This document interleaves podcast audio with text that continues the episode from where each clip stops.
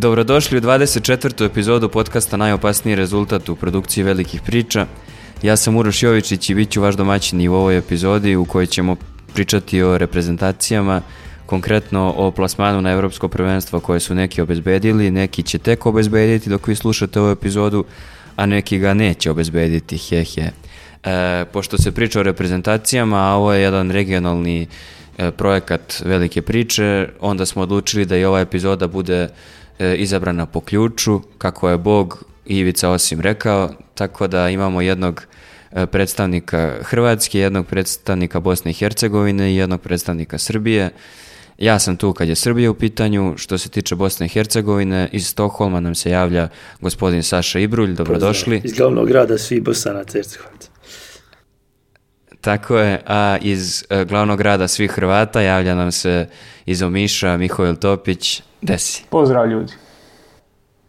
E, kad smo napravili ovaj mali uvod i rekli o čemu ćemo da pričamo, e, možemo da, se, da objasnimo ljudima o čemu se radi.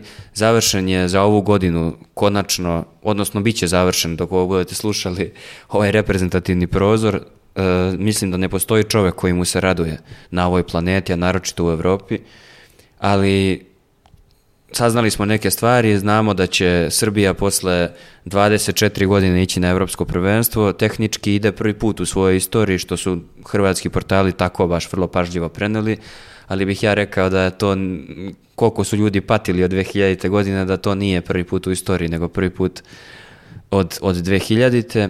E, znamo da je Bosna i Hercegovina doživjela jednu, ajde da kažemo, blamažu i o tome ćemo na početku pričati. Znamo da Hrvatska tehnički još nije obezbedila plasman, ali ako ne bude nekih neverovatnih situacija protiv Jermenije, Uh, Možemo ovako reći, ako Hrvatska ne obezbijedi, mi ćemo ponovo snimiti. Mi, tako, ako Hrvatska ne obezbedi, naterat ćemo Sašu Ibrulja da radi dupli posao, pošto to, to se u životu nije desilo, onda vam je jasno koliko su male šanse da se to dogodi. E, pored ostalog, mi nemamo Slovence u ovoj ekipi velikih priča, ali i Slovenija je obezbedila plasman na Europsko prvenstvo, tako da ćemo o svemu tome pričati i krenut ćemo sa Bosnom i Hercegovinom. E, sada će napraviti mali uvod šta se zapravo desilo, onda ćemo da prokomen... onda ćemo mu Miho i ja postaviti neka pitanja i tako ćemo da uradimo za, svu, za sve tri reprezentacije. Ovaj e, domaći autohtoni će da da uvod, a ovi ostali će da postavljaju pitanja i Mirna Bačka. Izvolite. Kod nas se kaže Mirna Bosna, a očito i nije baš toliko mir. pa zato mi kažemo Mirna, Mirna Bačka, tamo je mir i, i tišina.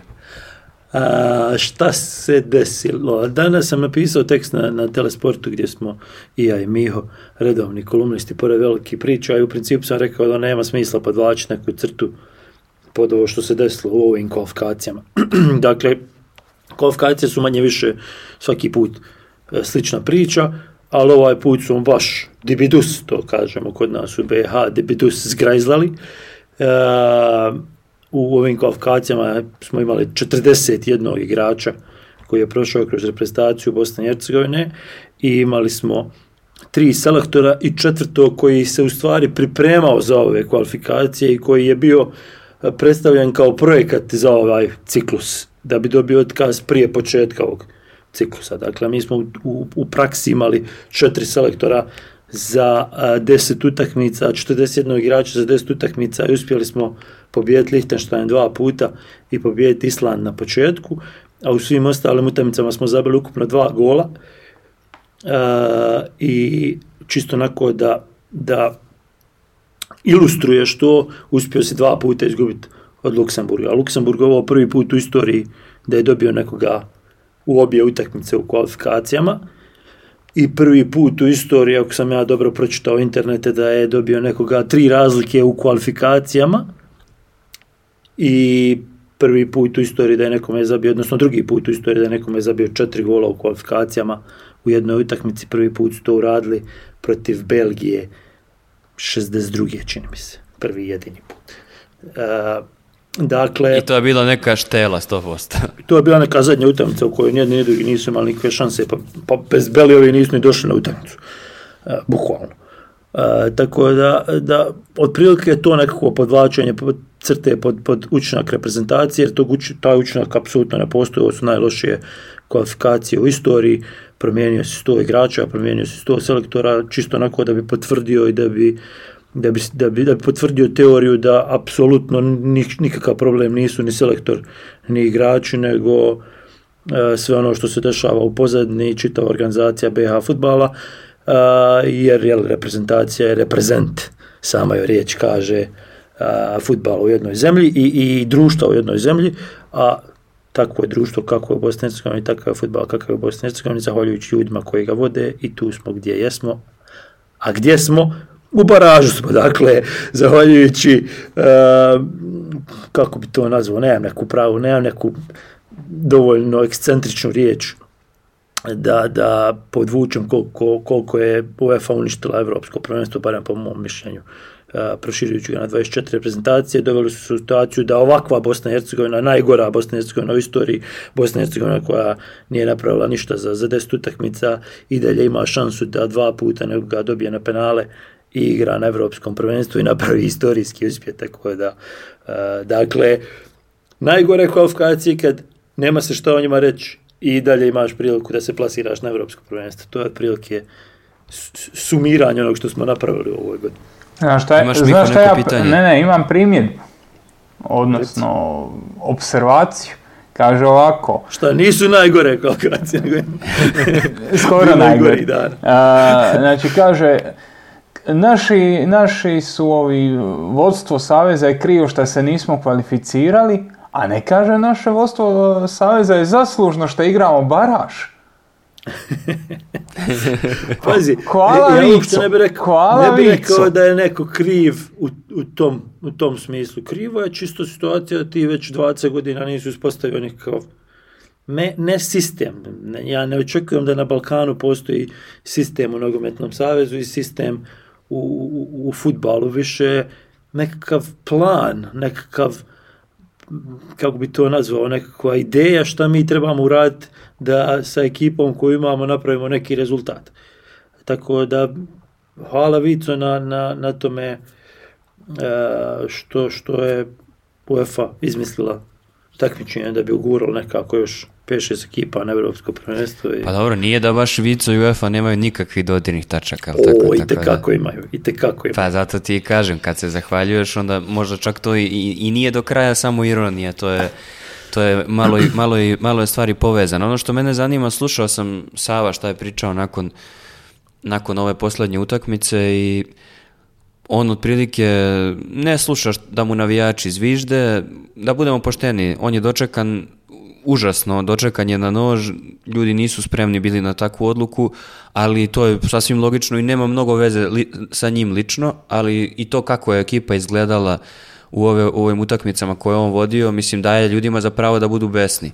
E sad... E, Pazi, izvin što te prekidam, ali čisto da objasnimo situaciju ljudima koji nisu tako pratili. Dakle, Savo Milošević kao Savo Milošević kao futbalski trener ili kao ličnost sam po sebi nije sporan jer on je došao tu u trenutku kad si imao već kompletni haos. a Kompletni haos je značio da je Ivajlo Lopetev vodio reprezentaciju u prošlim kvalifikacijama, koje su u stvari bile najgore kvalifikacije za svjetsko prvenstvo. Imao si jednu pobjedu iz osam utakmica, nisi uspio dobiti Kazastan dva puta, koji je bio u naj, najnižem, najmanjem, najslabijem šeširu.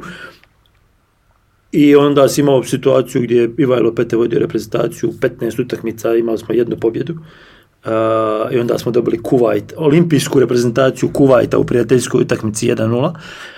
Uh, ali u, u čitavoj toj priči uh, predsjednik Saveza Vicu Zeljković i njegovi izvršni odbor od 15 ljudi su konstantno bili apsolutna podrška Petevu jer on bio projekat za europsko prvenstvo. I onda je taj Ivajlo Petev malo složio, posložio stvar, čovjek vidio o čemu se radi, posložio stvari, vodio ekipu u Ligi Nacija, osvojio grupu Lige nacija, plasirao se u A diviziju gdje nam apsolutno nije mjesto i samim tim osigurao baraž. I onda u tom trenutku je njemu istekao ugovor i Nogometni savez BH odlučio da mu ne produži ugovor. Što je ja u životu sam vidio svašta, ali nisam vidio da se neko tako ne, ne smijem, da neko tako urinira na vlastiti uspjeh. Jer, znači, čitava zemlja je bila na leđima a, e, e, Vici Zeljkoviću i izvršnom odboru, zato što daju podršku čovjeku koji nije u stanju da dobije utakmicu i onda kad taj čovjek napravi nešto, napravi rezultat i ti dođeš u situaciju da kažeš e, jesam li vam ga sada šukno, jesam li vam zado, ti kažeš e, sad ću ja njega otpustiti. Da bi doveo Farka Hačupekića koji je pao s Marsa, i onda je čovjek vodio četiri utakmice, dobio Island, izgubio tri, onda on dobio otkaz, pa je instaliran Meho Kodro, pa je Meho Kodro uspio biti sa reprezentacijom aktivno, 7 do 10 dana, nisam tačno siguran sad koliko, ali vodio utakmice, dvije utakmice, prvo je dobio uh, kući, drugu je izgubio u sudijskom vremenu u Islandu i dobio otkaz.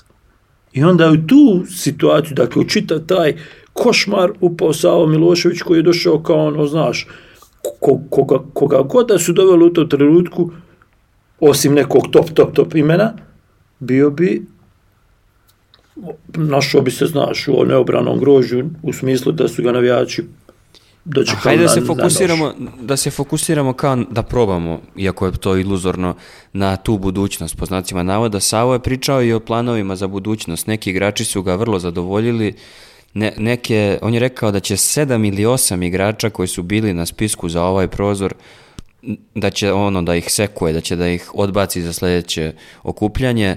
Ti si rekao da je 41 igrač proš, prodefilovao kroz A reprezentaciju Bosne i Hercegovine u, u ovom ciklusu kvalifikacija. On će još 7-8 da se odrekne pa da zove neke druge. Doduše naglasio je da je razgovarao sa svim najvećim zvezdama BH reprezentacije, da mu svi pružaju podršku po znacima navoda, da će da ide u Englesku da priča sa uh, Ahmed Hođićem, jel? E, svi ostali su navodno uz njega. Misliš li da postoji šansa, 23. je čini mi se žreb za...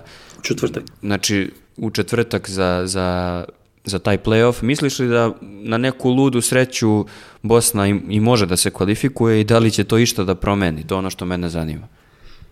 Da i ne, ukratko. E, da, iskreno mislim da se reprezentacija BH može plasirati, jer protivnici u baražu, uz malo sreće, protivnicu u baražu su između četvorke, u stvari Izrael, Finska, Island i Ukrajina. Izrael je sasvim sigurno u tom krugu od četiri, međutim Ukrajina, Finska, Island idu u žrijeb gdje će jedna ići u, ligu A, ako ta jedna bude Ukrajina, ti znači si u situaciji da igraš protiv dvije ekipe e, s kojima si bio u kvalifikacijama ili u Ligi Nacija ili u kvalifikacijama i u Ligi Nacija kad je u Finska u, zadnje, zadnja dva ciklusa i sa svima si bio u najmanju ruku ravnopravan, neke od njih si dobio, neke od njih si izgubio, ali nisu to ekipe koje su nešto pretjerano kvalitetne eh, ili kvalitetnije od tebe, rekao reprezentacije BH, tako da ne vidim nikakav razlog da Bosna i Hercegovina nema barem ti 25% šansi od, od te četiri eh, da se plasira na Evropsko prvenstvo.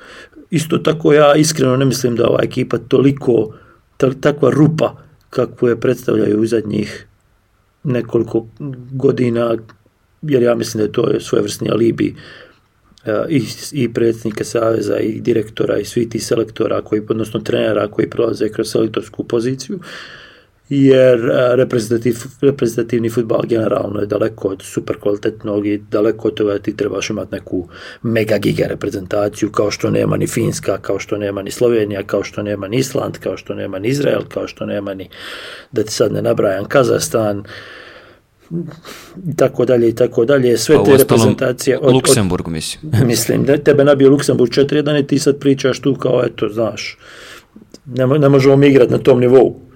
E, daj mislim, baš, ono, ružna riječ da iskoristiš za, takav a, a čekaj sad, pada mi na pamet kad si ovo rekao da kvalitet nije nužni problem. Miho, ajde, ovo možeš ti možda da odgovoriš jer si i objektivniji od Saleta, a i u, tome si značajno više od nas dvojice. Šta bi mogao da uradi, na primjer, Savo Milošević potencijalno, pričamo o nekom potencijalnom scenariju, da ono šta je trenerski što bi on mogao da uradi pred playoff, da pokuša da, da oporavi ovaj tim od, od svih ovih šokova koji su ga snašli. Šta misliš da bi bilo korisno, ne samo u ovom slučaju, šta je ono što, je, što se u ovakvim situacijama koristi kao neki potencijalni lek, a da Bosna može da primeni? Pa mislim da je, da, da moram početi od onoga šta on govori. Jer njegova izjava koju sam uhvatio nakon utakmice, kad izgubiš od, a nisu amateri, ali brate mili, Luksemburg ti je dao četiri komada i ti izjaviš onaj tko misli da imamo bolje igrače živi u zabludi. Ok, nemaš igrače za osvojiti europsko prvenstvo. Ali da ti stvarno misliš da je realnost da te Luksemburg nabije 4-1, onda imaš problem. Ako ti je to, ako ti je tražit nešto bolje od toga zabluda, ako to tako definiraš, onda se, ja mislim, tu ne može ništa ni napraviti. Onda tu je on sam sebi vezao ruke. I od toga počinje priča. Ja nisam vidio kod Save Miloševića, vidio sam to, pričat ću s igračima, pa vidit ću će doći Džeko, pa idem u, Englesku, vidi šta kaže Anel, pa pokušat ćemo, pa... To je nekako sindrom svih naših ovih e, bivših igrača. Da mi bolje igrače, ja ću bolje igrati. Pa to može moja mater nada je njoj najbolje igrače na svijetu, žena će vjerojatno... Može, i moja isto. Pa, što je tvoja mater bolje moja. dođeš, u situaciju da se zamisliš malo i pitaš pa gdje si u toj priči ti kume? Šta ti planiraš napraviti? Ja mislim da, e, da Bosna stvarno može bolje posložiti obranu. Da se može braniti za početak sa svih 11 igrača, a ne da ti je između dva vezna da se može ono, dajco krenut. To, pa to nije baš dobro. Znači, ok, ajmo srediti te neke stvari, ajmo srediti osnove, to su reprezentacije, nema tu sad puno seksi nogometa što kaže Sale, ali možeš srediti tu obranu da ti za ove dvije utakmice bude na razini da ne primiš četiri komada od nikoga, a pogotovo ne od Luksemburga, Finske ili Izraela šta te čekaju tamo. A nije da ti zato treba stoper Sheffield Uniteda, možeš i sa ovom dvojicom to jebe u majku. Ne, znaš kako, ja moram u njegovu odbranu da kažem da kad je preuzeo Partizan, to je bilo faktički njegov prvi ozbiljan posao u životu, da je on jako brzo e, pa da, e, ali ono što je stvarno najbizarnije u svemu, da je to najbolji njegov posao, iako je jedini. stvarno je dobro to izgledalo. I bez šale sad on je uspio vrlo brzo da, da složi neke kockice, a bit ću slobodan da kažem da je taj tim Partizana značajno lošiji i kad gledaš konkurenciju s kojom igra i, i generalno značajno lošiji od onoga što on ima u reprezentaciji e, od Alata. E, ono što Miho kaže, ako ti već imaš stav da ti je, da primiš četiri gola od, od Luksemburga normalno, daj onda stvarno stani u, što bi rekli na ovim našim prostorima, u bunker i nemoj da primiš gol ni od koga, idi probaj, ako je to ono klasična priča da Hrvatska, da je ova njihova generacija mogla samo tako da se brani, pa što je netačno, pa onda kroz produžetke i penale da dolazi do rezultata, evo imaš prekopiraj taj model. Mislim da je i Savo jedno priča o tome, zato to namjerno apostrofiram. Hoću kažem, ako znaš da si inferioran i misliš da si inferioran, što nije dobro, ali ako je već tako, onda se postavi kao da si inferioran. Pa nek igraš protiv najgore reprezentacije na svetu i probaj nešto iz toga da izvučeš. Mislim, ono što mene u tom smislu raduje što on stvarno ima kao nekog, ima nekog optimizma u tim njegovim izjavama, ali i to je ovo što kaže Miho, to, su, to je sindrom naših bivših igrača, on će da razgovara i bit će sve u redu. Znaš, majstor, nemoj da razgovaraš, daj im reci nešto što da rade na terenu. Nacrtaj dosta, nešto. E, dosta ste pričali. Znaš šta je tu problem, e, Uroše? Ovo što Miho kaže, 100% se slažem. Problem je što, i, i, zašto ja konstantno se vraćam na ovu priču o Savezu, o, o ljudima koji vode, o, da je trener Savo Milošević došao u nekoj normalnoj situaciji, pa da ti njemu normalno sudiš, pa da kažeš ovo je loše, ovo je dobro, ovo si uradio onako, ono, si, neku ti analizu praviš. Kakvu ćeš ti analizu praviti svega ovoga? I, pa nema analize. I onda on ulazi u sve to s gardom. S gardom gdje, gdje odmah se postavlja u nekakav, nekakav prirodni obrambeni mehanizam je njegov da kaže pa to vam je što imate, ne mogu ja sad napraviti čudo. Ovo je realnost, ja ću izbrisati to sam igrača. Istine, Znaš, onda se to pretvara u populizam. Govoriš ono što ljudi hoće da ne bi li im se barem malo svidio. Skinut ću se, ko ne trči ne može igrati. Znaš, klasične one, znaš, ako nećeš dati 110% od sebe nemoj ni dolazit. E, trebamo isprobati što više igrača, mi moramo tražiti, malo nam je bazen, moramo jedna tista priča. To, ja imam osjećaj to za sada njegov klasični obrambeni mehanizam. Ali problem je u tome što ti nemaš sad vremena da ti gradiš tu nešto. Ti, imaš te utakmice za tri mjeseca i treba da ih dobiješ. A u samim utakmicama u ove četiri koje on vodio, nažalost nije se pokazalo još ništa. Apsolutno, ništa, se nije vidjelo. Ne samo da se nije vidjelo ono sad što pričamo, rezultat, vama tamo ideja, vama... Ti si ostavio sada Džeku, Pjanića, Šešća, dobro, neki su bili povrijeđeni, ali igrao si bez 5-6 igrača u ove dvije utakmice. Šta si ti gradio za, za, za taj... Da.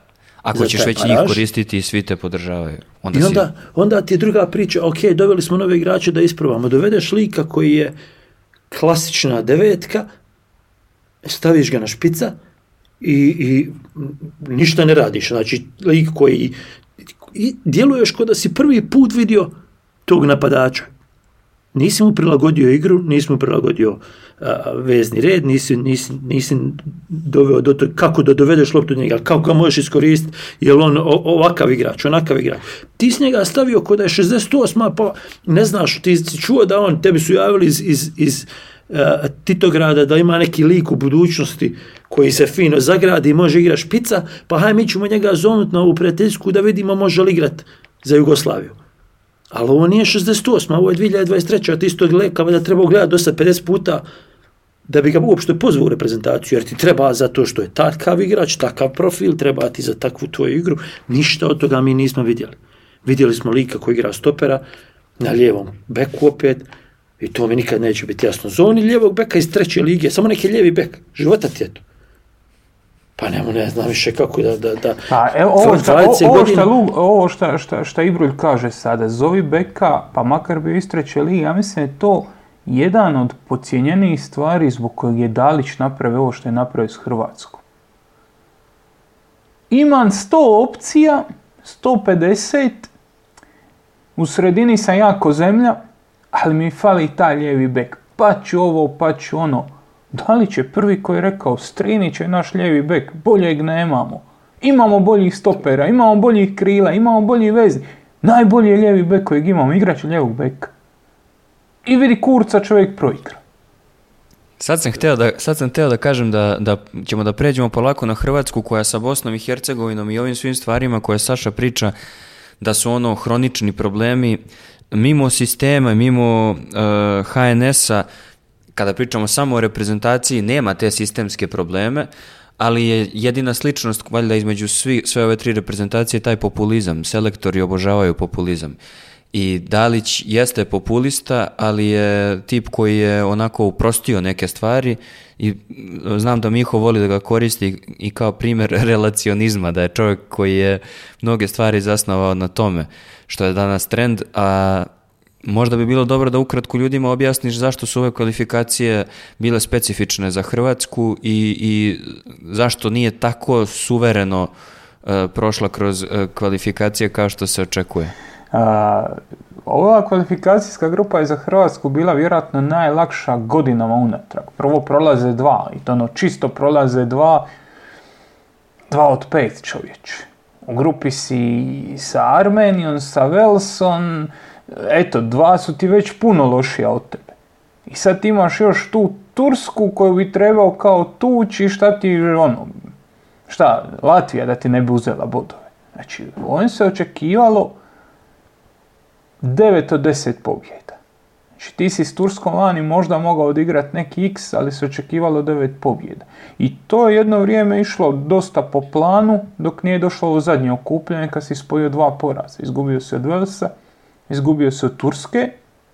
S obzirom da je ta grupa toliko jednostavna, odnosno da imaš u grupi Latviju koja ne može pobijediti nikoga, nju su i Vels i Turska ubili i onda dolaziš u situaciju da se ti sa Velsom remizira doma, da si izgubio vani i da ti je u jednom trenutku stvarno došlo u pitanje hoće li se kvalificirati. Ja čak ni nakon ovog zadnjeg posrtaja Hrvatske nisam očekivao da se Hrvatska neće kvalificirati jer da Vels dobije u gostima i Tursku doma pa rekao bi da šanse nisu veće od 20% i oni su odmah pokliknuli na, na toj prvoj predstavi. Ali šta je specifično? Specifično je da Hrvatska ni na svjetsko od 2022. se nije kvalificirala glatko. Igralo se protiv Rusije u Splitu, zadnja utakmica, zadnja minuta, prošao si na autogol. Uh, u Rusiju gdje se osvojio srebro si otišao uh, nakon dodatnih kvalifikacija. Bio si drugi u svojoj grupi, išao si u dodatne kvalifikacije. Pa i te 98. si išao u dodatne kvalifikacije. Hrvatska ima povijest telg, nazovi mučenja u kvalifikacijama, e, kako god to ćeš sebi definirati, ali stvari ne idu glatko. Ono što je bilo drugačije ove sezone je da nakon kiksa nije išla dobra utakmica. To je nešto što je bila karakteristika ovih zadnjih nekoliko godina. Kad god bi kiksao, gubila, je Hrvatska u tim kvalifikacijama, evo možemo suvati njih kvalifikacije za svjetsko prvenstvo 2022. Hrvatska izgubila Azerbejdžan, ali sljedeće odigra fantastičnu utakmicu. Jer imaš tu neku veteransku bazu gdje oni kažu pa ljudi pa nećemo se sramotiti, ok, aj malo smo se opustili, amo se ozbiljiti. E sad je Hrvatska odigrala protiv Turske jako lošu utakmicu i onda ide u Vels gdje očekuješ da će reći ok, ajmo se ozbiljiti, tamo to riješit. Međutim, nismo vidjeli ozbiljnost i nismo vidjeli tu rutinu koja je, koja je krasila Hrvatsku godinama unatrag. I onda Dalić manirom svakog, kako si rekao, svakog poštenog populista s ovih prostora – ti si spomenuo izbornike, mogu to biti političari, biznismeni, sveti ti se, nema se svede na isto. Poštani Pošteni novinari isto, podcast, eh, podcast Jerry isto. Znači, šta? Napravit ćemo oštre rezove, napravit ćemo promjene, onda prvog špica koji mu je tada bio izbaci van i izbaci tog ljevog beka jadnog, ni krivog, ni dužnog, počeraj ča, dovedi dva nova, realno, to su ti onako rotacijski igrači, baza ti ostale isto, ali si opet dobio neki učinak, dobio si nešto, nisi previše promijenio to, Latvija te čekala sad, lagana utakmica, najlakša možda, to si dobio i sad opet imaš Armeniju doma, to moraš dobiti ako želiš ići na, na, na europsko prvenstvo, znači opet su u dobroj situaciji. E sad, moje pitanje za tebe, za obojicu, zapravo Kakva su vam očekivanja od, od Hrvatske, pošto hajde da, da pričamo kao da se Hrvatska već kvalifikovala. Kao da je četvrtak. ne pokušavam da, da teram nikakav maler, da neko ne pomisli da me ne optuži. E, da pričamo kao da se kvalifikovala. Vidimo da je situacija, i to je jedno od pitanja slušalaca, o tome ćemo na samom kraju, oko toga da li si u drugom ili u četvrtom šeširu pred žeb, nije baš toliko velika razlika kao što je bila pre, jer lagano iz prvog šešira možda izvučeš neku Italiju, mislim da si ti u prvom šeširu, a da ti zapadne neka Italija i Holandija i da ti bude grupa, sa čovjeme Bože. E, šta mislite, ajde Saša ti kreni pa će Miho da se nadoveže o šansama Hrvatske na ovom prvenstvu. Ono što je zanimljivo ljudi pocenjuju i nastup Hrvatske na prošlom europskom prvenstvu, posebno pocenjuju nastup na predprošlom europskom prvenstvu jer su, oni su meni bili sjajni e, u, u, Francuskoj. E, I ne samo to, nego Hrvatska ima od te Francuske neki kontinuitet igara i ovo što Miho kaže, mnogo ozbiljnije izgledaju na turnirima nego u, u kvalifikacijama. Gdje ih ti sada vidiš? ne možemo da kažemo da je neko ko je drugi na svetu pa treći na svetu Dark Horse u bilo čemu, ali ne možemo da kažemo ni da su u grupi bilo kakvih favorita za neki takav plasman. Tu su negde između. Znaš šta, Hrvatska se dovela u takvu situaciju da ima kontinuitet. a za, za, za kontinuitet u reprezentativnom futbalu ti ne treba nešto pretjerano puno E, oni su Francusku odradili dosta dobro, pa smo imali još dva podakmičenja Rusiju i, i šta je ovo bilo, ne znam kako da kažem. EU, evropsko, e, poslije toga onda si imao Katar i sve je to bilo jako dobro. Međutim, prerano je govoriti u, tom kontekstu gdje mogu doći. Mogu doći u finale, mogu doći u mogu doći u finale. sad je teško reći, ali ja mislim da na ovakav sistem sa 24 ekipe gdje gdje ti se iz grupe možeš izvući čak i kad igraš ovako kao što se Hrvatska sad izvukla iz grupe ovo što je Miho govorio malo na mišiće i malo na iskustvo i malo na, na, na, na najboljeg igrača onda je Hrvatskoj sve otvoreno. Može im se e, desiti da, da ne dobiju penale ovaj put protiv nekoga, ali može im se isto tako desiti da, da opet dođu u situaciju da prolaze i, i, i do, do četvrtfinala i do polfinala. Jer, kao što rekao na početku, ne treba ti neki ogroman kvalitet da ti praviš rezultat e, kad su reprezentacije u pitanju. Jer evo sad si ti nabrajao ko nije u prvom šeširu i kad uzmeš čak kad uzmeš top 10 reprezentacija za 6, 7 ćeš naći dosta velikih mana a, a to su sve ekipe koje Hrvatska može pobijediti da dođe i do finala Da se razumemo, ja, ja mislim da postoje dve, dve ono ultra jake reprezentacije i ispod ostalo mislim da Hrvatska sve može da, mislim da može da se nosi i sa te dve, a sve što je ispod toga mislim da Ne samo ono, Hrvatska, može, može se i ova Srbija nositi s tim, ako je dobro organizovana, ako se pripremi. Ne, ne, ne, mislim kvalitetom, ne, niko ne odskače kvalitetom do te mjere da ti kažeš, ovi su, ne možeš im ništa, ovi su super jaki, znaš, kao što je nekad znalo biti. Sada toga manje više nema, imaš 3-4 reprezentacije i ti te 3-4 reprezentacije malo malo pa kiksaju. Ode ta nekakva BH pa čukne bod Francuzima, Talijanima. Nikad gora BH, ode pa čukne bod Francuzima, Talijanima, čukne bod Holanđanima.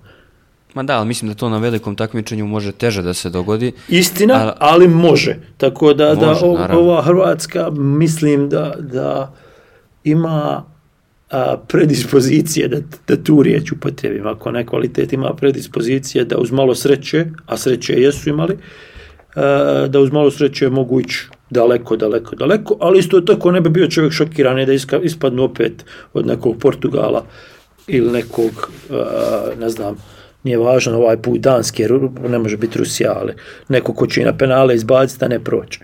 Odnosno, obrnuto. Šta ti, kako ti, Miho, vidiš, pošto si ono, ti si involviran u to na, na sve moguće načine, ono što... Osim što ne igraš. Tako je. Iako kako je Dali zovni, e, krenuo, zamalo me zvao. Nisam mu se javio iz predostrožnosti. Dobro je. Samo bi nam ti falio tamo. Mada eto, imat ćemo valjda neke ljude, velike priče će imati neke ljude na Europskom prvenstvu. Ne bi bilo loše nekog i na terenu da imamo svog. Te ozvučimo na svakoj utakmici.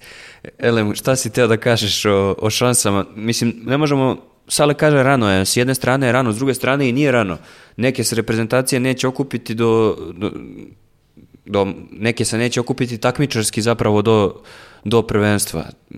Ima par utakmica prijateljskih i to je to. Tako da zanima me kako ti vidiš šanse Hrvatske u odnosu na ove ostale reprezentacije koje su se plasirale. I ono, je li ima neko ko, ko, bi, ko je crna mačka Hrvatske, za koga misliš da bi bio problematičan baš da se izvuče u grupi? ja bi se samo htio nadovezati na ovo što si rekao za potove. E, prvenstvo je tako da u nekoj grupi prolaze dva, u nekoj tri i ono, imaš skupinu, imaš 24, ova, 24 u, u ždrijebu, 16 prolaze dalje. Znači, kroz grupu se može proći dosta lagano, ali opet ti kad pogledaš pot A, ti si izbjegao Njemačku, izbjegao si Portugal, Francusku, Španjolsku, Englesku i Belgiju.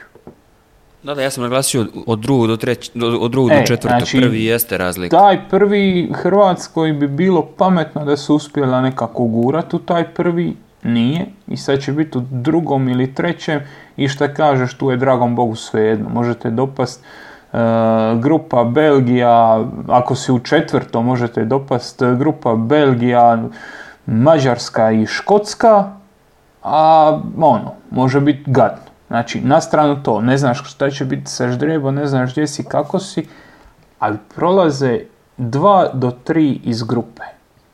Tebi se tu može otvoriti svašta i ja mislim da Hrvatskoj jedini ne, stvarno neugodan suparnik je Francuska. Da je to jedini suparnik koji Hrvatskoj ne odgovara, jer kad Hrvatska dođe na ova velika natjecanja, to smo mogli vidjeti sad na ovoj Ligi Nacija na završnici. Ja sam sad već uvjeren da Hrvatska 0-0 može igrati s bilo kim. Znači, doslovno bilo koja zemlja na svijetu Hrvatska može igrati 0-0 s njom. E sad, Francuska je još jedna za koju sam uvjeren da može s bilo kim na svijetu igrati 0-0. I samim time ti ne paše. Engleska će tebe napast. E, Španjolska će te napast, Portugas... Da, ja sam na englesku mislio kad sam rekao da su dve reprezentacije koje su beton u ovom trenutku. Je, ali Engleska i iz, te perspektive Hrvatske sve te reprezentacije će te napast, a na onom svjetskom prvenstvu 2018. kad su Hrvatska i, ova, pardon, Hrvatska i Francuska igrali finale svjetskog prvenstva, tu je Hrvatska imala 65% lopte u nogama ovi su imali 35% posjeda. I briga, i baš i briga što oni imaju nekog Mbappea, što su oni e, Francuska, oni ti daju loptu, čekaju te, iskontriraju. Tako da ono, iz te perspektive, od svih suparnika na prvenstvu, ja mislim Francuska najneugodniji suparnik za Hrvatsku. Protiv svih ostalih Hrvatske ima barem podjednake šanse.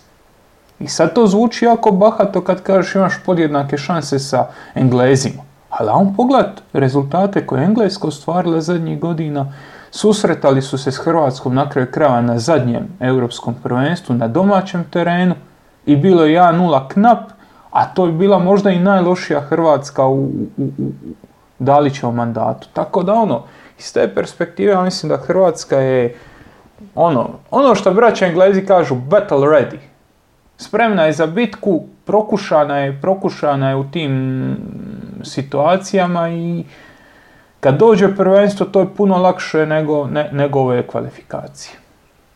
Znaš koje ja pitanje mi imam tu generalno kad je reprezentativni futbal u pitanju.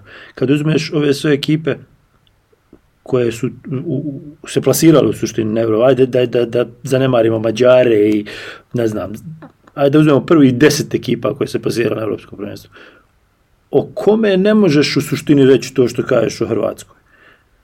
Da će se izvući iz grupe i da tamo može napraviti svašta. Apsolutno, ali to ti želim reći. To Hrvatska ti sad pa među... Pa to, to ne hoću da kažem. Ta, on finale si jebote. E, to, Kad takav je trenutni takav je pa trenutni... ali, ali samo je hrvatska reprezentacija koja od svih tih verovatno najviše puta dokazala da je to u stanju da uradi. Sve u redu, ali isto možeš očekivati od Španije, od Holandije, od je, je, Italije, od Engleske, od...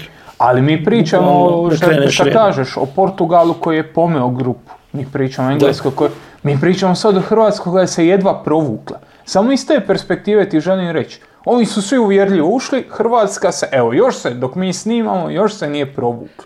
Znači, Hrvatska večeras mora dobiti Armeniju da uđe unutra.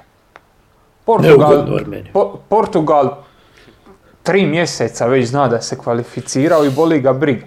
Znači, Srbija se kvalificirala prije nego Hrvatska. Samo mi nismo. Usput kad, kad već da se vratim na onaj početak, Uroše, Portugal je dobio Luksemburg 9 neugodni Luksemburg koji je nama utrpao četiri komada, čisto da se vratim na onaj podsjeti me to na ono kako smo mi e, grozni. A, e, prepostavljam da ćeš sad okrenuti Uroše na, na, na e, priču o Srbiji, ali da, da, da, sastavim nekako, jer gledam ove potove i, i ono malo prije što sam ti govorio, i Srbija može da se izvuče iz grupe i da napravi svašta.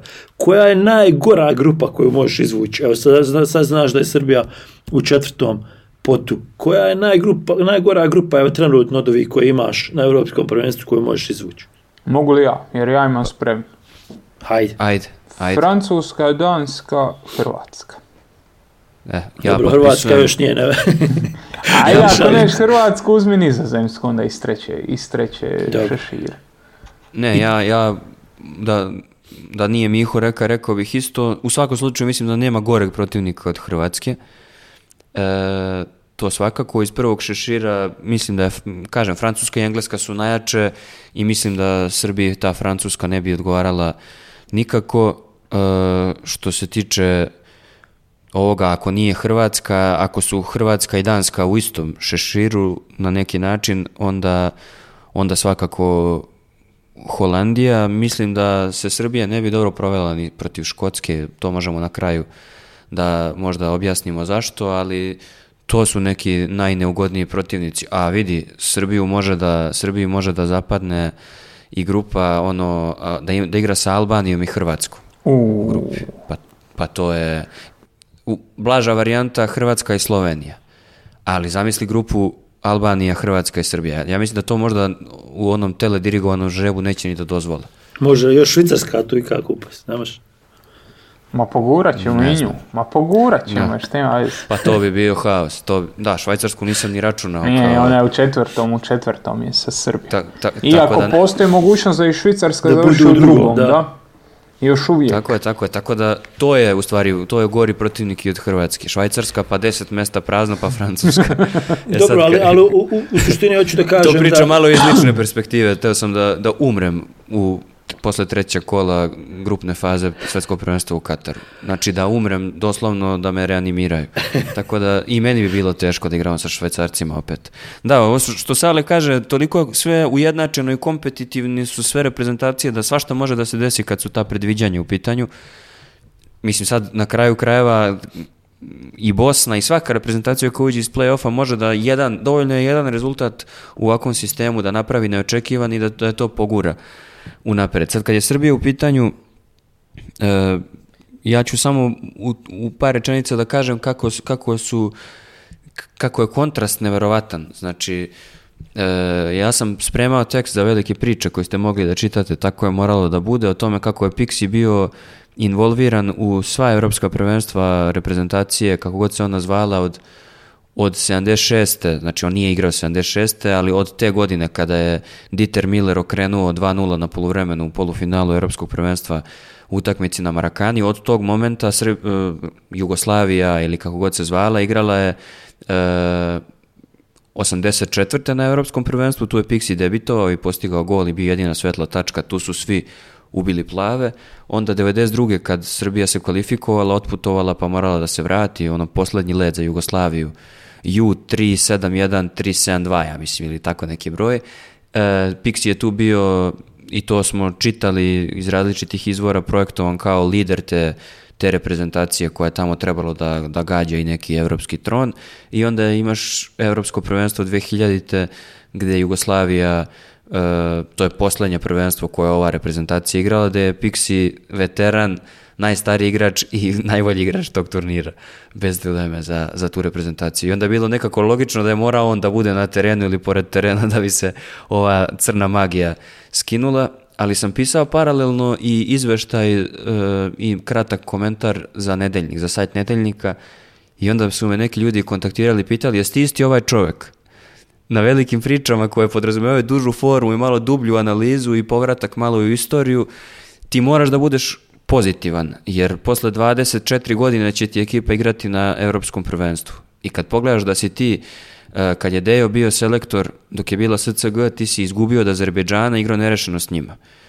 E, onda si u narednom kvalifikacionom ciklusu e, igrao izgubio od Finske, pobedila te sljedeći put Estonija, prekino si utakmicu u Dženovi Ivan Bogdanov i ona priča, e, prekino si utakmicu na JNA kad je dron sa zastavom Velike Albanije doleteo. Znači imao si deset blamantnih utakmica i imao si dva puta eskalaciju nasilja koje su ono izazvali tvoji navijači i sve se raspadalo onda si imao ono, onaj playoff protiv Škotske pred praznom Marakanom u, koroni, u karantinu, gdje je Mitrović e, promašio penal odlučujući, izgubio si na penale od Škotske.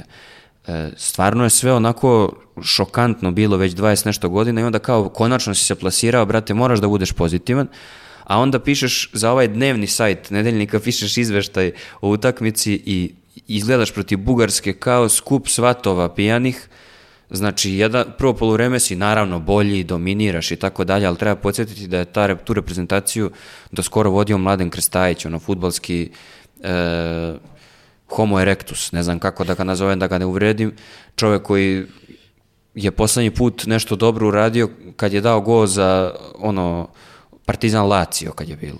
I hoću da kažem da je ta Bugarska devastirana, tamo se ubijaju se navijači na mitinzima protiv Saveza, protiv svega i ti kao prvo polovreme si dobar i onda Bugari vode 2-1 u jednom trenutku.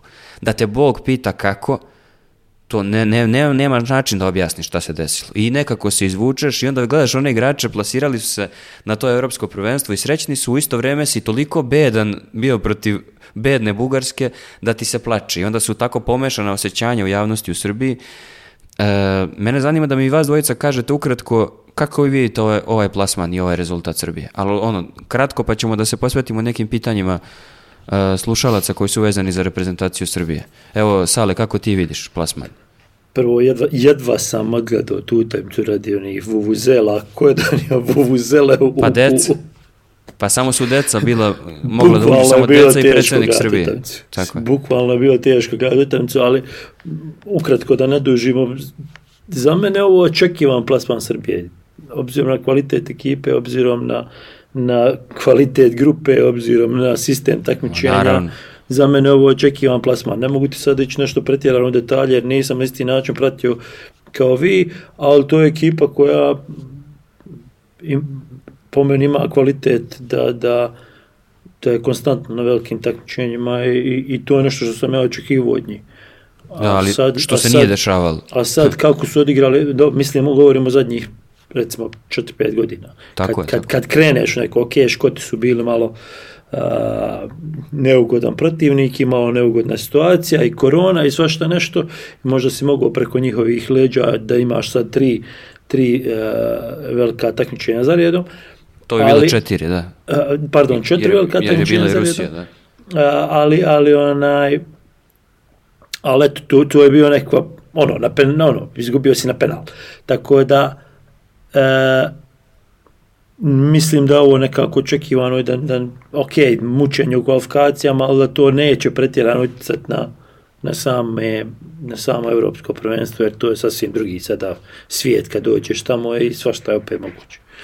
Kako ti, Miho, vidiš ovaj plasman Srbije? Mimo toga da je očekivan jer je grupa, ti si spominjao da je slaba grupa Hrvatska. Šta kažemo za ovu grupu koja je Srbija, Litvanija, Bugarska, Crna Gora i Mađarska? koja, koja je bila jaka grupa, recimo, u prstom? Ma pa dobro, ali, dobro, ali imaš neke koji su ipak malo slabije od drugih sala. Mm, mi smo imali grupu sa Luksemburgom, Lichtensteinom, Slovačkom, Islandom i, i Portugalom. I u prvom kolu si dobio Island 3-0, a Slovačka igrala 0-0 s Luksemburgom.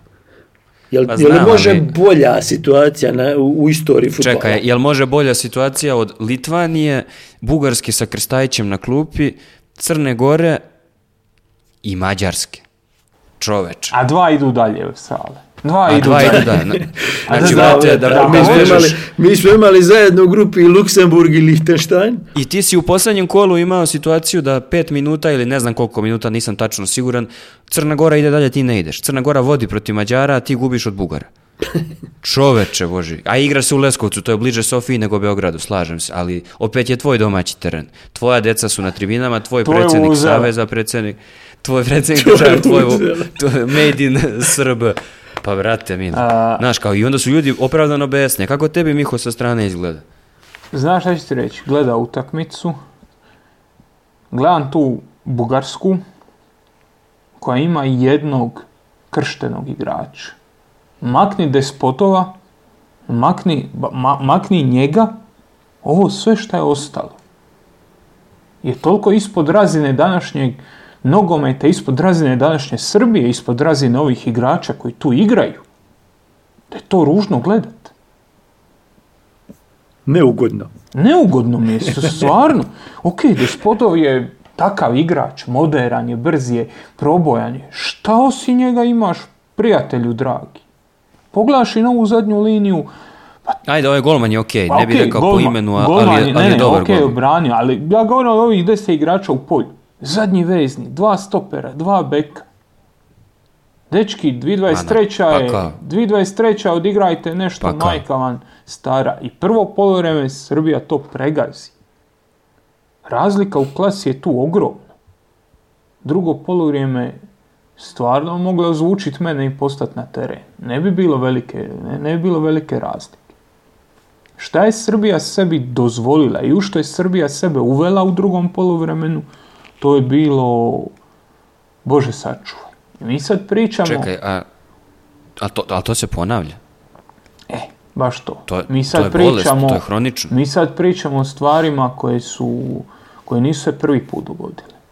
I na kraju kad uh, Pixi isto ima izjave koda je Knin oslobodio po drugi ili treći put s koje strane gledaš. Što ono, izjave su, bože sačuvaj, ono, kao ja sam se ovim iskupio za Katar. Čime se iskupio? Time da si, htio sam reći, jedva dobio Bugarsku, ali nisi je dobio. Znači, igrač koji je... Nijednom. Igrač, Iznenadio Bugarsku. Igrač koji je tebe uveo na europsko prvenstvo se zove Dominik Soboslaj on te uveo. Dobro, na Srbiji bi i Remi bio dovoljan za prolaz, ali to ne menja činjenicu da čak i da je Crna Gora pobedila, ali svakako je realno... To su dobro susjedski odnosi. Jest, pogotovo i u Srbiji i Mađarske. Neko je napisao sad posle ovog TSC sledećeg godine šampion sigurno. Ali da, ovo što Miho kaže, sad, Miho, ti se sjećaš, ja se, vi ste radili na tribini e, na, na onaj dan kad je Srbija igrala sa Kamerunom, vi ste radili epizodu i onda si ti mene, moj tekst za nedeljnika citirao u epizodi, kad si rekao, naš prijatelj Uroš je napisao za nedeljnik, kaže da je ovo pomračenje uma. Vi se sjećate utakmice Srbija-Kamerun na da, svetskom prvenstvu, Znao sam da ćeš spomenuti utakmicu. Ja ne znam da sam neka pričao s tobom oko Srbije da nisi spomenuo tu utakmicu. Pa ali, ali ta utakmica je neverovatna. To, to, ti je, to je ovo što Miho kaže. Ti sve držiš pod konac, sve je u tvojim rukama, sve je u redu. I onda samo neko uključi dugme za samouništenje. I ti više ne znaš gde se nalaziš. I to ti je ono, e, Srbija nije konstantna, pa makar bila za, za jedan nivo ispod, ali konstantna. Jedan nivo kvaliteta ispod onog što može da pruži. Isto je protiv Švajcarske na tom istom prvenstvu. Isto je protiv Mađarske, u, pogotovo u drugoj utakmici u ovoj kvalifikacijnoj grupi. Ti si daleko bolji protivnik i izgubiš. Način da ti objasniš kako si to uradio. To je ovo sad što sam rekao da, je, da, je, da su ljudi ambivalentni oko ovog rezultata, tako i oko Pixija. Jel Pixi odveo reprezentaciju na svjetsko prvenstvo kad se to nije očekivalo na onaj način protiv Portugala u Lisabonu? Jeste. Jel Pixi odveo reprezentaciju u A diviziju Lige Nacije? Jeste. Jel Pixi odveo reprezentaciju na Europsko prvenstvo? Jeste. Šta ko je to, ko je to uradio, ne, a sad stvarno, ko je to uradio, ko je imao takav rezultat u, u 21. veku u reprezentaciji Srbije? Niko. Nije ni u Jugoslavije. Šta ti hoćeš od tog? Pa sem Hrvatske, ko je imao to? sem reprezentacije Hrvatske od raspada Jugoslavije, ko je im ostvario to? Nije zajedno, nisu sve reprezentacije to ostvarile u tako kratkom roku. S druge strane, onda moraš da postaviš pitanje, čekaj, Pixi je došao i prvu godinu je sve bilo sjajno. On je na te svoje izjave što Miho kaže, što smo spomenjali populizam, držao i javnost i ekipu u sebe i sve je bilo super. Meni je Filip Juričić u jednom razgovoru ispričao kako na, jednom na prvom treningu reprezentacije njega Pixi pita, zaustavlja akciju koju igra i pita Filipa, jesi mogao ovo petom? Kaže Filip, jesam. Što nisi? Kaže meni Filip, jebote, što, gdje si bio celog mog života? Znaš kao, dao je igračima slobodu, to ti je slika kako je dao igračima slobodu za sve, I, da rade stvari kako ih oni osjećaju. I sve je bilo super.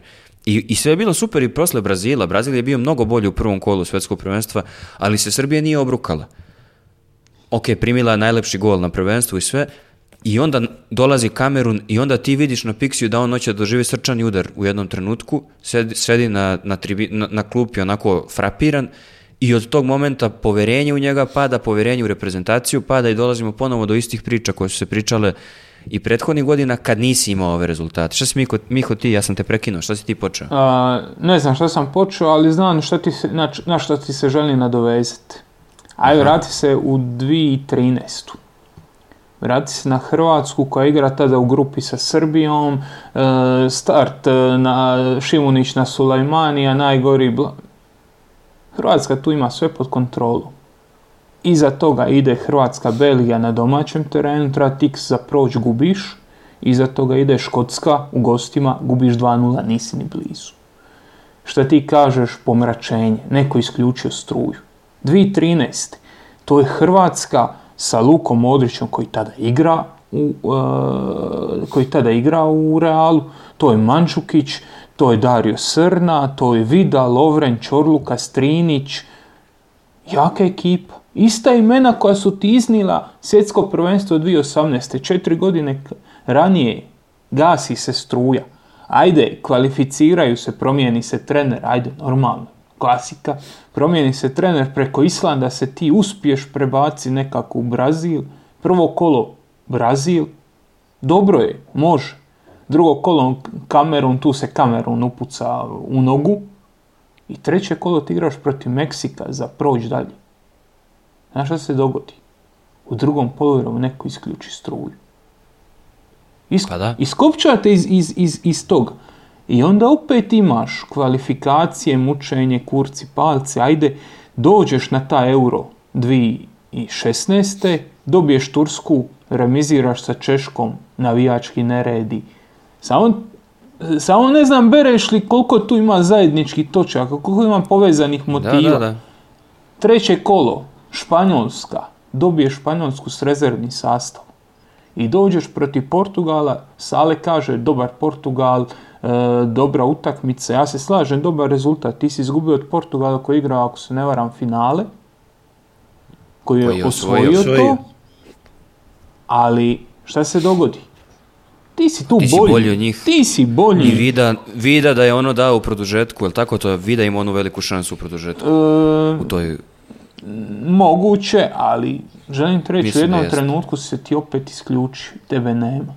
I ti si, i ti tu blokadu probio tek 2018. na svjetskom prvenstvu. A ti hoćeš da kažeš da je ovo samo uvod u nešto pozitivno za Srbiju? Ne kažem da je uvod u nešto pozitivno, ja kažem da su to dječje bolesti koje moraš preboliti. ali to je, Sad ću da vam kažem šta, šta je tu imala. zanimljivo. Kako smo Ova mi neku fasovali bolest. Ova bosanska... mi Ajde, nešto da, smo fasovali, ne možeš... Autoimuno. Izliječiti nikako. Vi ste se rodili sa, sa, sa hendikepom, to, to ne ide preko. Želim ti reći, Srbija je sad u situaciji u kojoj je Hrvatska bila prije. Srbija je momčad koja se gradi. Srbija je momčad koja hvata neke svoje hjerarhije.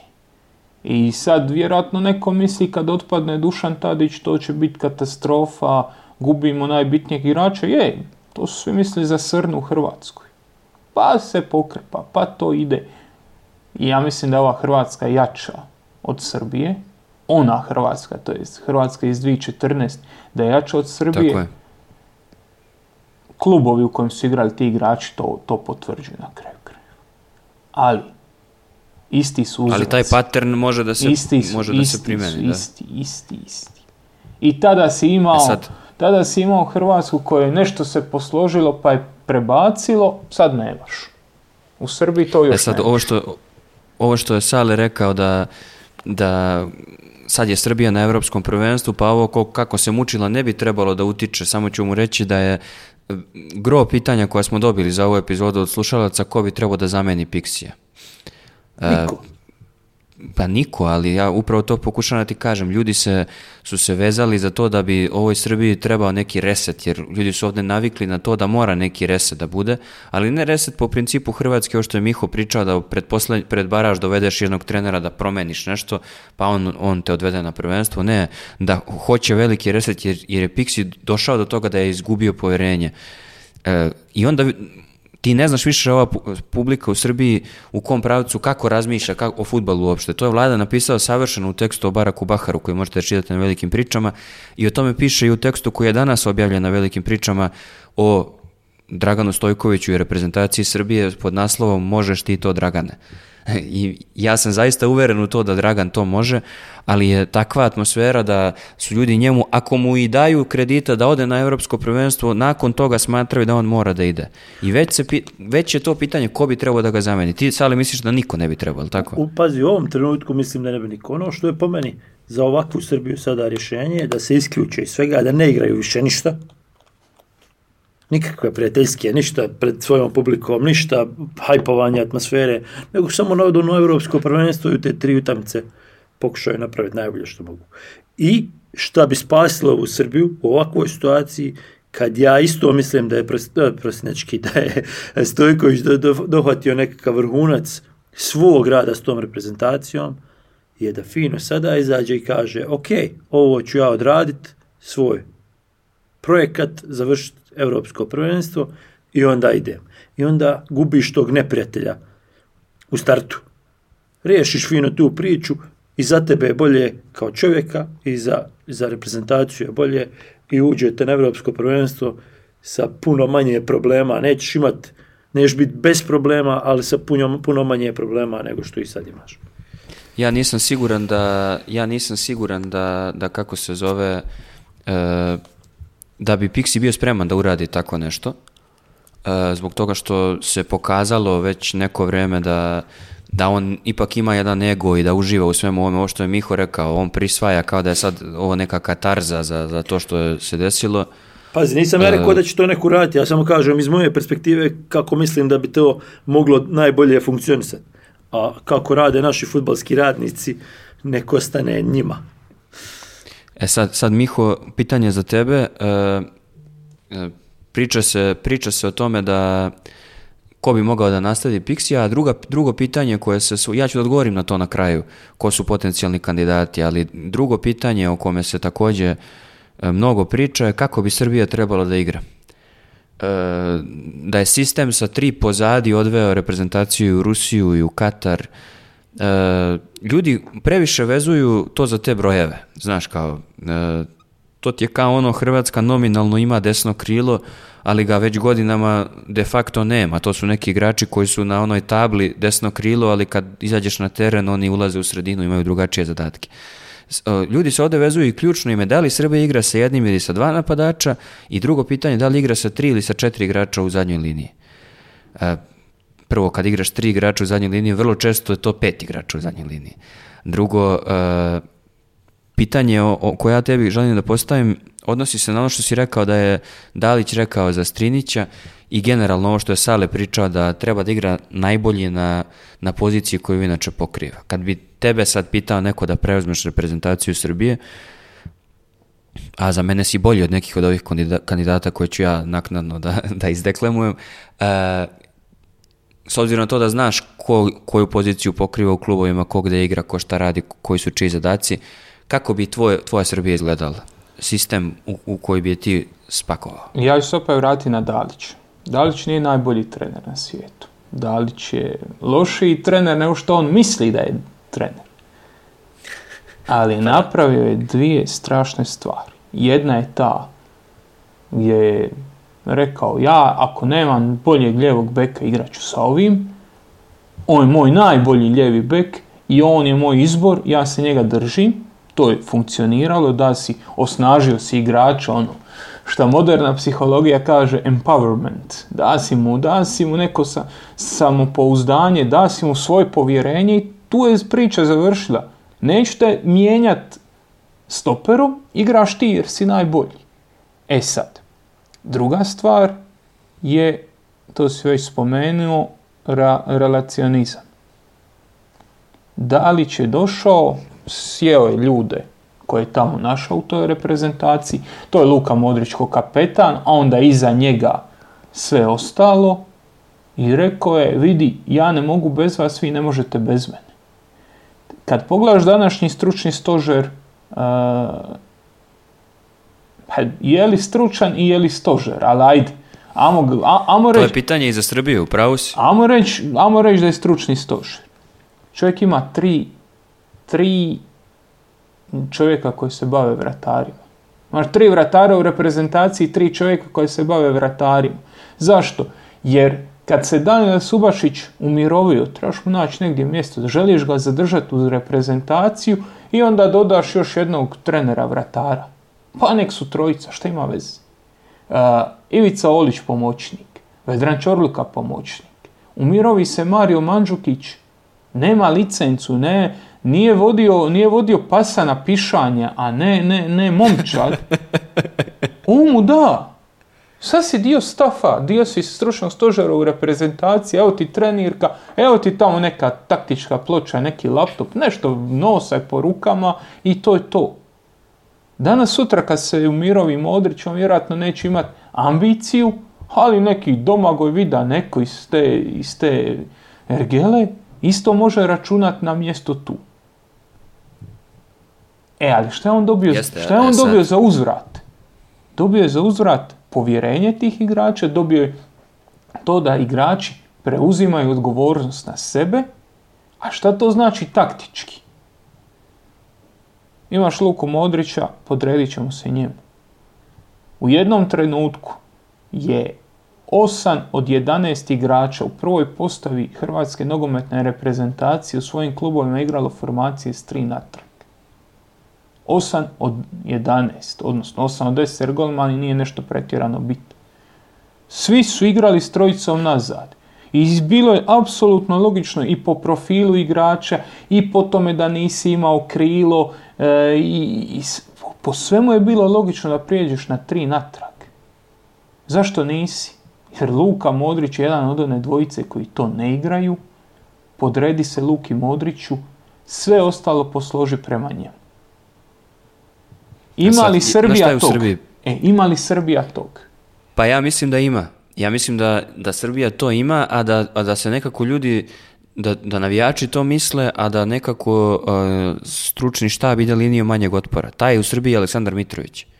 Spomenuo si utakmicu kad je, kad je e, Šimunić opalio Sulemanija na Marakane. To je utakmica u kojoj Aleksandar Mitrović debitovao za reprezentaciju Srbije i postigao gol. Aleksandar Mitrović je najbolji strelac u istoriji reprezentacije, čovjek koji je konstantno najbolji igrač na terenu ne pričamo o klasi, Dušan Tadić je posebna jedna klasa, drugačiji tip igrača od svih ostalih. Pričam ti o tome da je ovaj za reprezentaciju produktivan i da kad igra za reprezentaciju radi stvari koje niko drugi ne može. I ako imaš Dušana Tadića u reprezentaciji, imaš takvog Aleksandra Mitrovića. Imaš mogućnost da uradiš ovo što ti kažeš.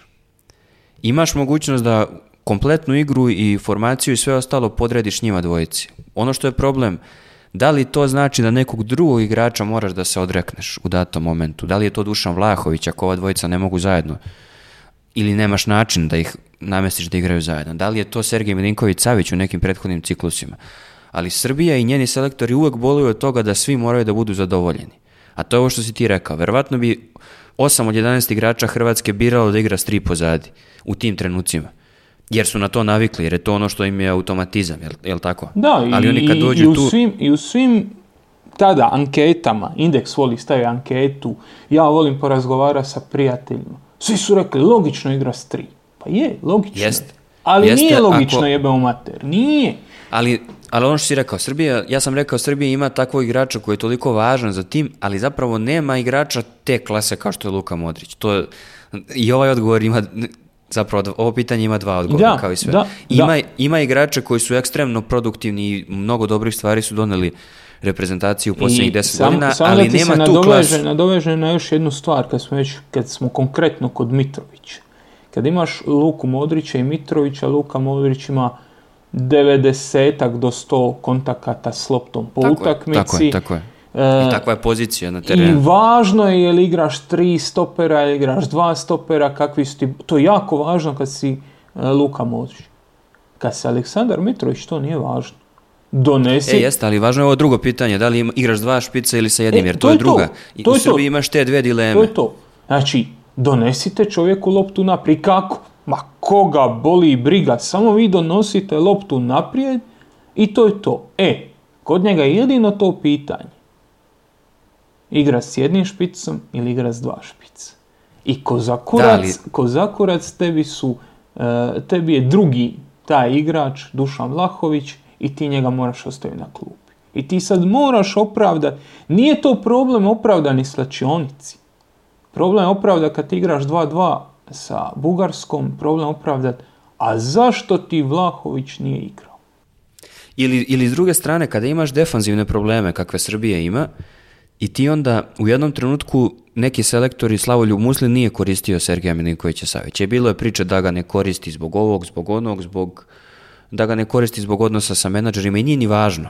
E, ti imaš problem da Sergej nije neke defanzivne stvari, na primjer u Rusiji, kada je išao, kada je Krstajić preuzeo reprezentaciju i vodio je u Rusiju, e, Sergej nije mogao da odradi neke defanzivne stvari kao što mogu neki drugi manje cijenjeni i manje kvalitetni igrači.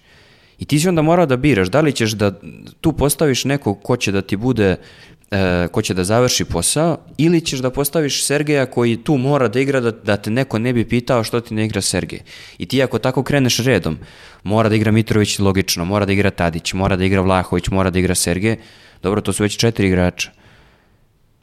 Pa onda kad nabrojiš ko tu sve mora da igra, ti imaš jako malo igrača koji ti ostanu, da odrade neke konkretne zadatke. Pritom Srbija izgleda i vrlo naivno kad je defanzivna postavka u pitanju, to smo videli i na svetskom prvenstvu i u onim gde oni pokušavaju da naprave i kakve offside zamke i kako tu ispadaju.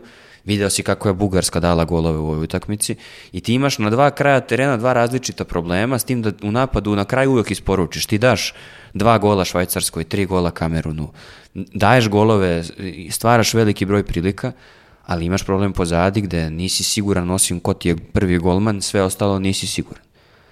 I e, nekako Milenković, njegov plafon je postavljen u jednom trenutku na, na jednu, jednu granicu, onda su ljudi shvatili da on neće doći do te granice.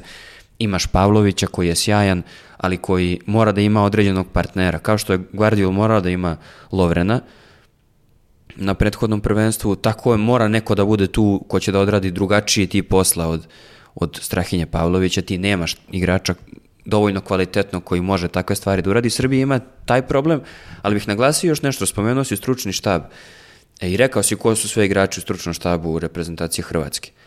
Znaš ko su ljudi u stručnom štabu Srbije? Zoran Filipović, Nebojša Stamenković, a, Kacuhito Kinoši, ako sam lepo rekao ime, prezime sam pogodio, i Goran Đorović. Jel kapiraš? Jel su to, da li su to ljudi koji su na, na taj način ambasadori kako su ovi u hrvatskoj reprezentaciji? Nema tu Kolarova, Baneta Ivanovića, Nemanje Vidića, ne, ne daj Bože nekog takvog igrača koji se ni politički ni na bilo koji drugi način ne uklapa. Nema takvih igrača, a nemaš ni ljude koji su, ono što ti kažeš, stožer, da li su stožer i da li su stručni. Nemaš ljude koji bi povukli piksija za rukav i rekli e, druže, ovo ne druže ide nije treba. dobro. Da. da, da. Ovo su sve njegovi prijatelji. Ne kažem, ne, ja ne govorim o tome da ljudi nisu dovoljno stručni, nego samo govorim o tome niti, znaš, kao, ko je neki podcaster ili novinar da priča o, njihovoj stručnosti, pa izvinja, ali mislim da, da, se to vidi golim okom. Da on nema oko sebe ljude koji će da mu priđu u 35. minutu utakmice da kažu moramo da promenimo nešto, i ako priđu i kažu moramo da promenimo, ne delo da ima neko ko će da mu kaže šta to treba da promeni. I mislim da su to osnovni problemi. Sad, u Srbiji se i reprezentaciji Srbije se stalno bavi time ko bi trebao koga da zameni, daj da napravimo reset, da li je ovo smena generacija, da li je dobro da ova generacija igra, da li nije dobro, da li dva špica, stalno neke teorije, a zapravo vidiš da reprezentacije poput Islanda odu na neko veliko takmičenje, pa tamo samo prostom organizacijom i nekomplikovanjem i dobrom atmosferom naprave rezultat. Pa vidiš kako se neka Slovenija plasirala, pa vidiš kako gomila malih reprezentacija po znacima navoda pravi neke pristojne rezultate, što u kvalifikacijama, što na prvenstvima, i onda se ti pitaš, a to je isto iz, tog mog teksta na velikim pričama, kao šta se desilo ovim igračima? Stalno se to pitamo od, od 74. godine, od svetskog prvenstva u zapadnoj Nemačkoj. Šta se desilo ovoj reprezentaciji? Šta se desilo ovim igračima? I tek onda 20 godina kasnije ovi koji su išli tamo, ne znam, Karasi i Marić ispričaju da se reprezentacija raspala, da se oni tukli i tako dalje. Pa onda tako za sve saznajemo 20 godina kasnije. Sad onda, onda su otišli u Katar pa isplivala priča da je Dušan Vlahović bio s nečijom ženom i tako dalje. Znači ono potpuno sumanuta atmosfera. Toga čak nema ni u Bosni i Hercegovini koja ima druge sistemske probleme i toga naročito nema u Hrvatskoj. Tako da mislim da su to ključne stvari koje prave razliku. I posljednje pitanje za tebe, misliš da Srbija ima kapacitet da bude dark horse? Hrvatska ne može da bude dark horse sa tim rezultatima koje ostvaruje. Misliš da Srbija ima taj kapacitet, ali ne ovo teorijski pa moglo bi da bude, nego što, što pričamo sve vreme, nego da li misliš da stvarno može da zategne tu odbranu i da odigra tri utakmice pristojno, odbranu, a to u ovom trenutku deluje kao sasvim dovoljno da ode, da ode dovoljno daleko, kapiraš? ja mislim da ti treba samo jedna utakmica, o tome se radi. Samo jednu da. Mhm. Hrvatska, opet se vraća na Hrvatsku, ja, baš ono, Glav si Borata, Hrvatska onaj dosadni susjed, šta, šta sve može, sve, sve, sve. da, da, da. E, Hrvatska na svjetskom prvenstvu 2018. Znači, to je prvenstvo gdje osvajaš bron, osvajaš srebr, drugi si. Prvu utakmicu igraš protiv Nigerije. Nemate. Nemate na terenu. Znači prvu utakmicu je Hrvatska odigrala katastrofalno. Nigerija je poklonila golove. Šta se događa dalje? Naletiti disfunkcionalna, čupavo loša Argentina. Argentina. Dobiješ je 3-0 i sve klikne što kaže Otamendi pogodi ovog na, na podu namerno, oni svi se zalete na njega i kao da je u tom trenutku, ja mislim da je taj trenutak prelomio Ali to je to, i sad kad pričaš s ljudima koji su bili tamo i kad ti svi kažu da li će otjerao, da li će otjerao Kalinić. Kalinića, da. U tom trenutku je bilo osam, ali nije karikiran, u tom trenutku je bilo osam igrača koji se mogao otjerati. I kad je on otjeran, nije se ništa dogodilo taj dan. Nije se ništa dogodilo prije utakmice sa, sa Argentinom. Dogodilo se posljednje. Odnosno za vrijeme Jer ti si imao nezadovoljnike i prije te utakmice Kalniće kući ljudi koji su igrali i ljudi koji nisu igrali su tražili privatne razgovore sa Dalićem, tražili su razgovore sa Savezom, povlačili su se rukavi i vrtili su se brojevi mobitela. I onda ti se u toj jednoj utakmici nešto dogodi okren. To se može dogoditi Srbiji. I to, je on, ti je onaj faktor neke galvanizacije, faktor neke kohezije, ono, e sad mi protiv ostatka svijeta. E, znaš kako, to je Pixi upravo doneo, a onda se desio Kamerun, zašto ga ja ne, ne propuštam ni u jednoj priči, jer je uradio kontra.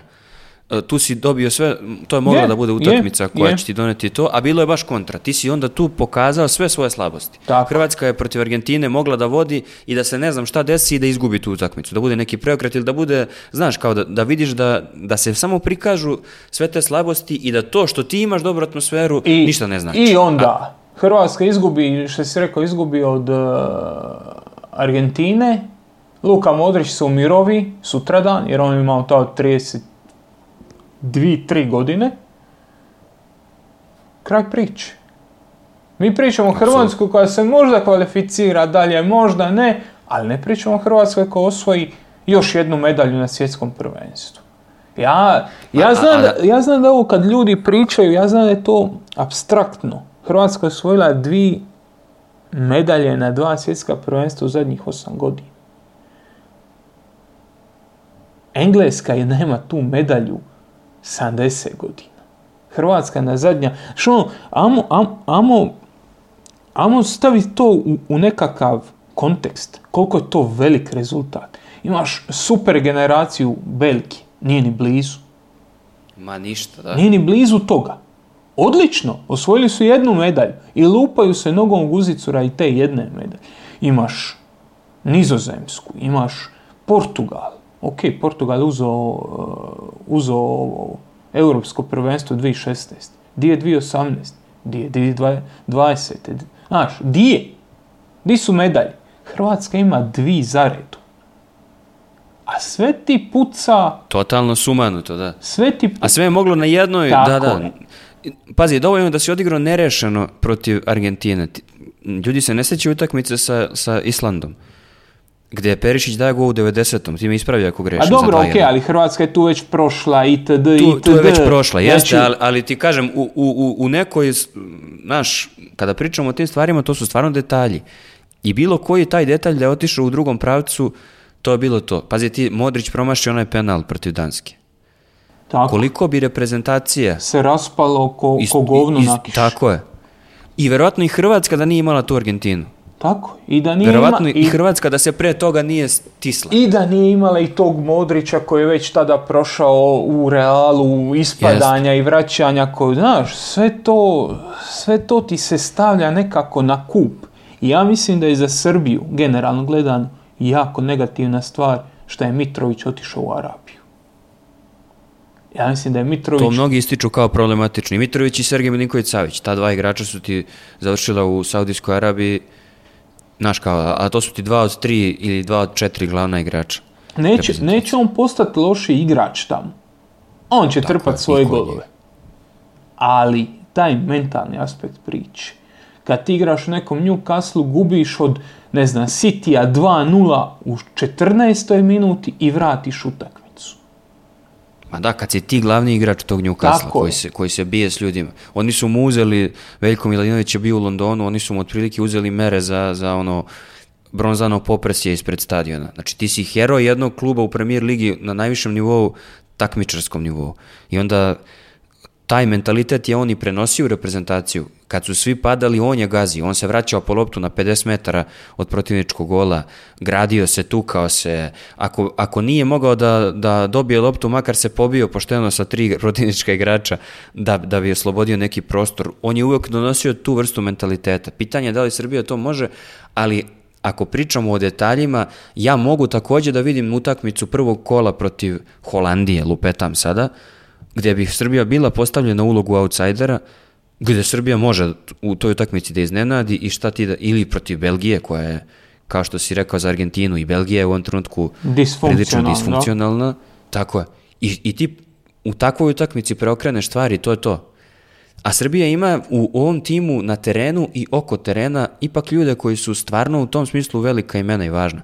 Pixi je ono što je, ne znam s čim da ga uporedim, je u Srbiji, ne samo u Srbiji, na prostoru bivše Jugoslavije, ono što je Luka Modrić novim generacijama.